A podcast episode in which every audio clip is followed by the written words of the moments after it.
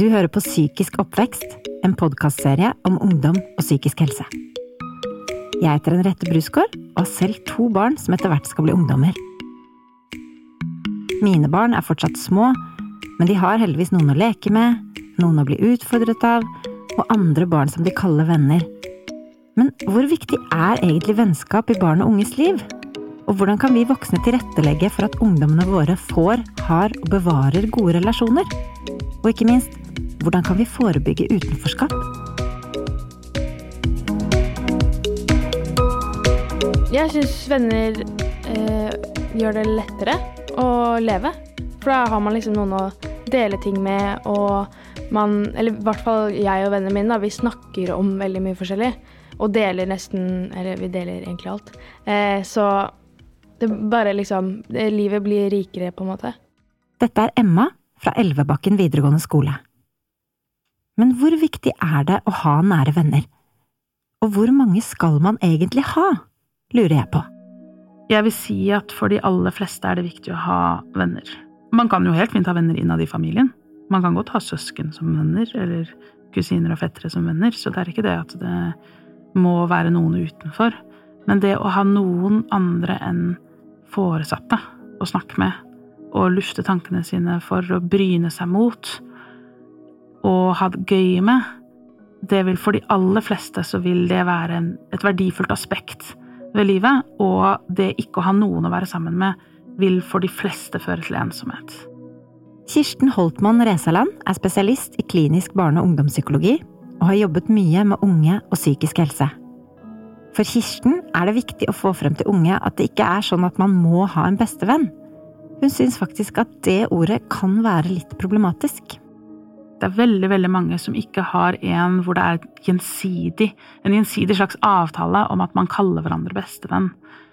Og det at vi legger opp til at det eh, er et konsept, kan nok gjøre at mange barn og unge som egentlig har det helt fint sosialt, likevel tenker at noe er galt fordi de vet ikke hvem de ville kalt bestevenn, eller hvem som ville kalt dem bestevenn. Så jeg skulle egentlig nesten litt ønske at det bestevenn-ordet bare forsvant ut av vokabularet vårt. Kaja, som går i 9. klasse på Fyrstikkalleen skole i Oslo, er enig med Kirsten. For min del så er det mye viktigere å ha mange gode venner, eller noen få gode venner, enn én bestevenn, fordi jeg føler at da har du Sånn bestemor sa til meg en gang i femteklassen jeg hadde litt trøbbel med noen venner, så sa hun det at det er viktig å huske på det at du skal leve et veldig langt liv, og at du kommer til å få masse Du kommer til å bli kjent med så, mye, mange, så mange nye folk. Og hun sa det at hun hadde brukt et triks som var det at det er mulig å ha venner for forskjellige ting. Og så, nå som jeg har blitt litt eldre, så synes jeg at det gir veldig mye mening. For sånn, jeg har jo noen venner som liksom elsker å bade, så da kan jeg dra og bade med de. Og så har jeg noen venner som er skikkelig opptatt i politikk, sånn som jeg er. Og da kan jeg være med de og diskutere politikk og gjøre masse ting som jeg syns er gøy. Og så har jeg noen venner som er litt sånn som er like, ganske like som meg, ikke helt selvfølgelig. Og de føler jeg på en måte også er veldig gode å ha, nesten da som en bestevenn. Fordi du har en person du vet er der. Men da tenker jeg, og det er viktig å tenke på det, at det er ikke, det er ikke den ene vennen som teller. Det er viktig å ha mange gode, eller noen få gode i hvert fall. Kirsten mener det er viktig å akseptere at ungdommen har ulike behov når det kommer til venner. Og det er lov å ikke være så sosial, det er også viktig. At voksne må godta det hvis unge sier 'jeg liker egentlig godt å være mye for meg selv'. Eh, og det er også fint for voksne å vite at vennskap som bare har vært over nett, også er vennskap.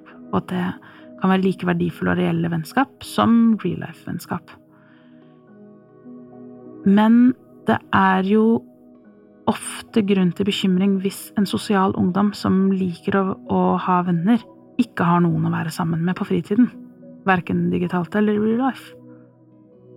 Det er faktisk mange barn i dag som ikke har noen å være sammen med. De barna som ikke har det bra på skolen, er de som går rundt og ikke har noen å leke med eller snakke med i friminuttene. Marco El Safadi ble for mange kjent som basketballspiller, og de siste årene har han reist land og strand med sine kritikerroste foredrag om viktigheten av gode relasjoner. Ifølge Ungdataundersøkelsen for 2021 er det 4% som forteller at de ikke har noen å snakke med i friminuttene.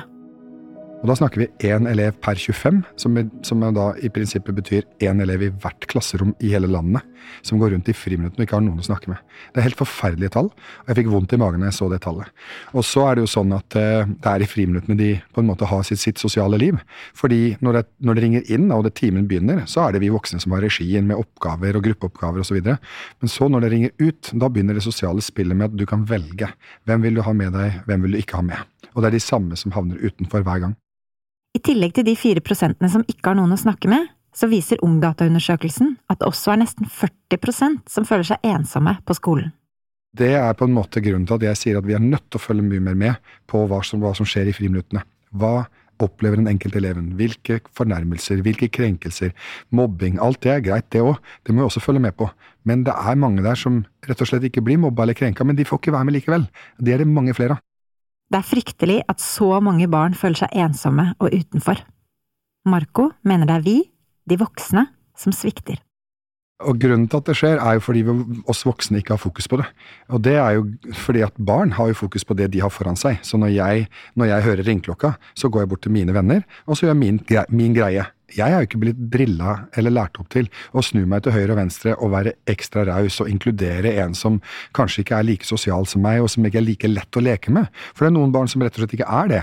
Ikke sant? Som ikke er like lett å, å, å, henge med. Men det å likevel da ha fokus på at du har et ansvar for å ta vare på denne klassevennen din likevel, det å snakke om det, det å forvente det, det å berømme det og belønne det med oppmerksomhet, det er det vi ikke er gode nok på som, for, som voksne.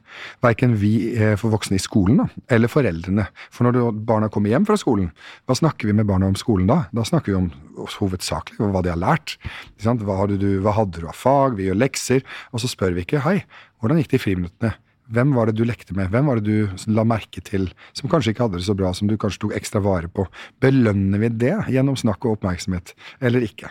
Og når jeg gjør det da med min datter, så blir jo min datter oppmerksom på det. Da kommer hun og forteller meg om han gutten i tredje klasse som ikke hadde noen å leke med, som hun aktiviserte, og som hun hanka inn noen andre til å leke med, fordi hun så at han trengte litt hjelp i det sosiale spillet. Men hun hadde ikke lagt merke til det hvis ikke vi snakka om det hver dag gjennom mange år. Marco etterlyser at alle skoler har en klar agenda og gjør en innsats for å bekjempe ensomhet i skolegårdene.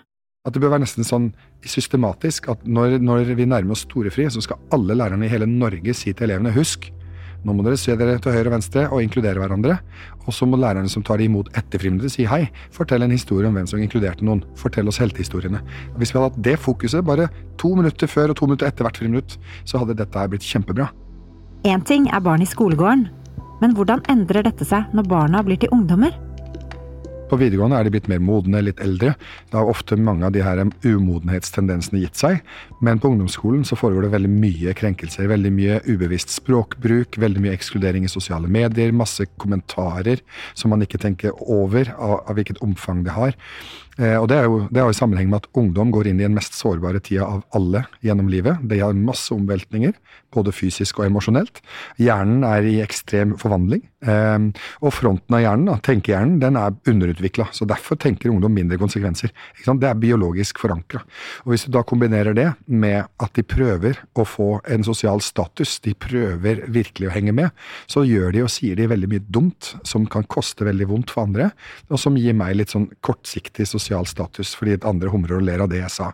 Og dette er det som gjør at folk er stygge med hverandre på ungdomsskolen. Det er ikke fordi de er ondskapsfulle og har tenkt å ødelegge livet til hverandre, men de gjør det ubevisst gjennom at de er i en sårbar fase med lite tett veiledning.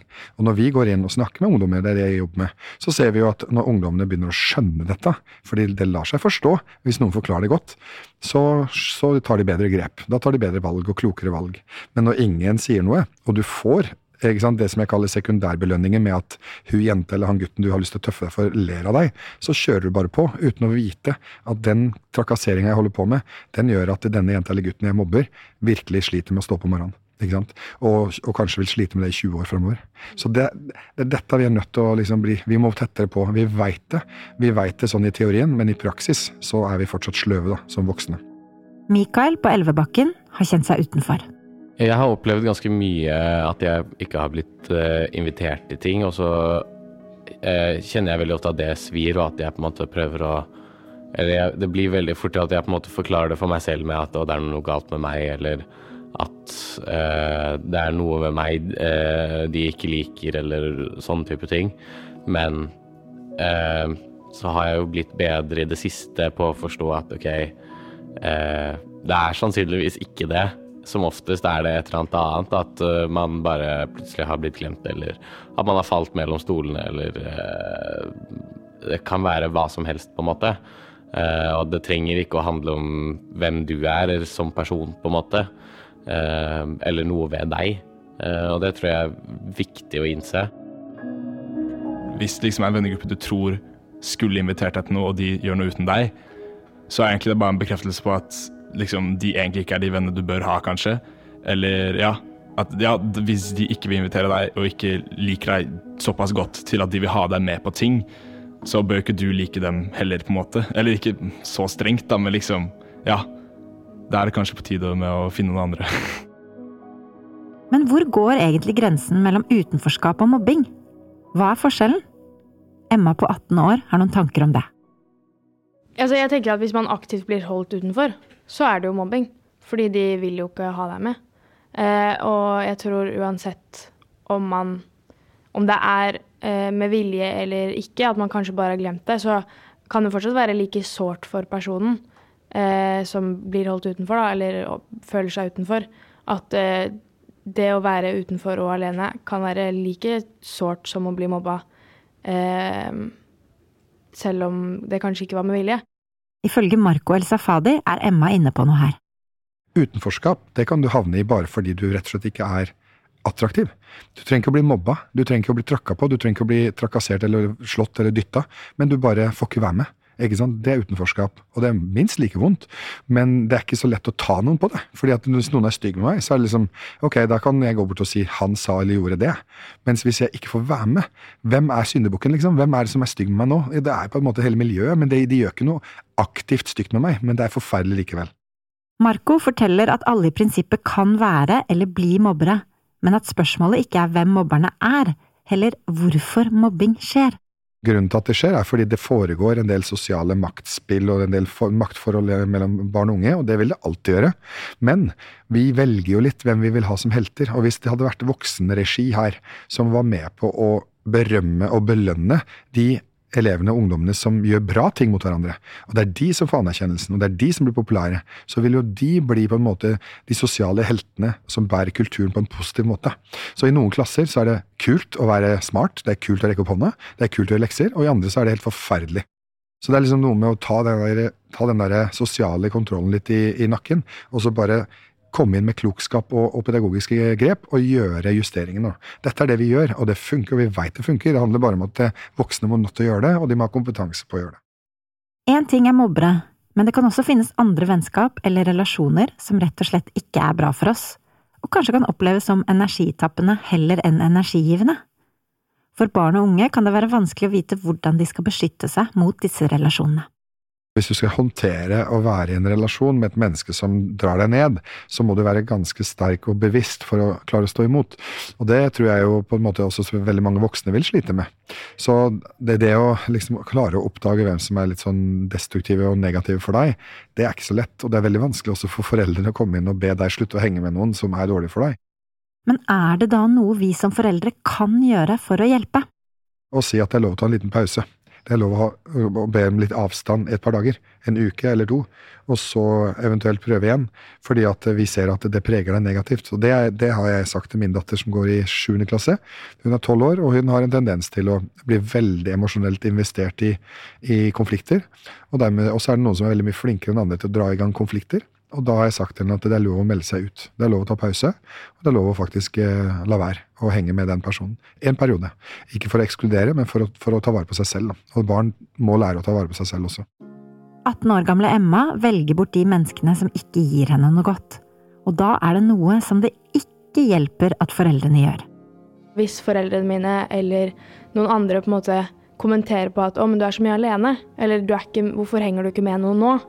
Og da er det på en måte sånn man får da en følelse om at man heller burde henge med noen, selv om man egentlig kanskje føler at eh, ja, men det er bedre for meg å være alene enn være med folk som ikke gir meg noe godt, på en måte.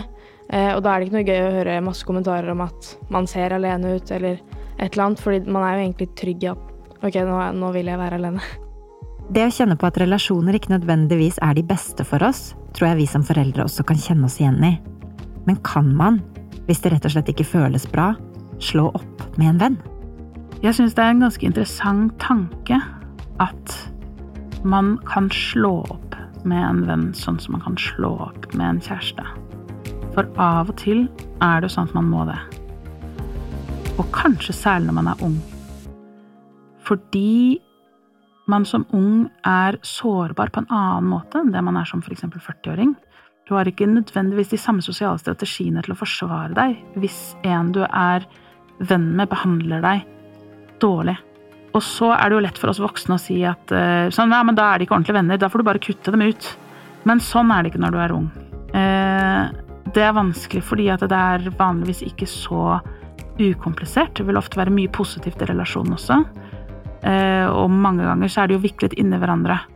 Så det Kirsten sier, er at det må være lov å beskytte seg selv mot andre når dynamikken er skadelig. Kanskje spesielt for unge, og da er det viktig at vi voksne forteller dem nettopp det. Det er lov å beskytte seg, det er lov til å trekke seg unna folk. Det er ingen som kan tvinge deg til å like alle eller være venn med alle. Eh, det kan være fint å gi folk en sjanse eller to, eller tre. Og det kan være fint at voksne hjelper ungdommen til ikke å tenke at alle tabber er måte, grusomme, katastrofale feil, for da kan man miste vennskap litt unødvendig og får litt mer flyktig ungdomsliv enn det som er sunt. Så det å lære seg å ha en tabbe... Altså at venner også har en tabbekvote, det kan være, det kan være litt fint. Eh, at det er en litt høy terskel for å si 'nå er ikke vi venner mer'. Men det må også være lov. For den som sitter igjen og blir slått opp med, så kan det være sårt. Men det er viktig å huske på at hvis dynamikken i et vennskap oppleves som usunn for den ene, er en pause kanskje bra for begge. Det trenger ikke å bety at du har gjort noe galt, det kan også bare bety at noen ganger vokser man fra hverandre. Eller den andre har forandret seg så mye at du passer ikke inn i det puslespillet for personen mer. Sånn at deres vennskap var fortsatt like verdifullt da det var, men nå passer det ikke inn lenger. Uten at det skal være forbundet med så enormt mye skam og selvgransking på hva er det med meg. Som barn og ung tenker man kanskje at de vennskapene man har, og de båndene man knytter, skal vare livet ut. Men venner kommer og går, og det er normalt å skli fra hverandre. Gjennom hele livet vil du møte mennesker som gir deg glede, som du vil kalle venner, og det at ikke alle er der for alltid, er helt naturlig. De fleste har funnet de ekte gode, store vennene først når de har funnet seg sjøl. Og så har de vokst liksom fra disse ungdomsvennene som ble helt annerledes etter hvert som de ble eldre. Men vennskap jeg, jeg føler liksom at det har bare blitt viktigere og viktigere med åra. Det har bare blitt så mye viktigere. Det er liksom den familien du velger. da. De du har lyst til å bruke tida di på. De du har lyst til at barna dine skal bli kjent med. Og du har lyst til å bli dere, kjent med deres barn. Liksom. Det er de bånda som knyttes i voksen alder.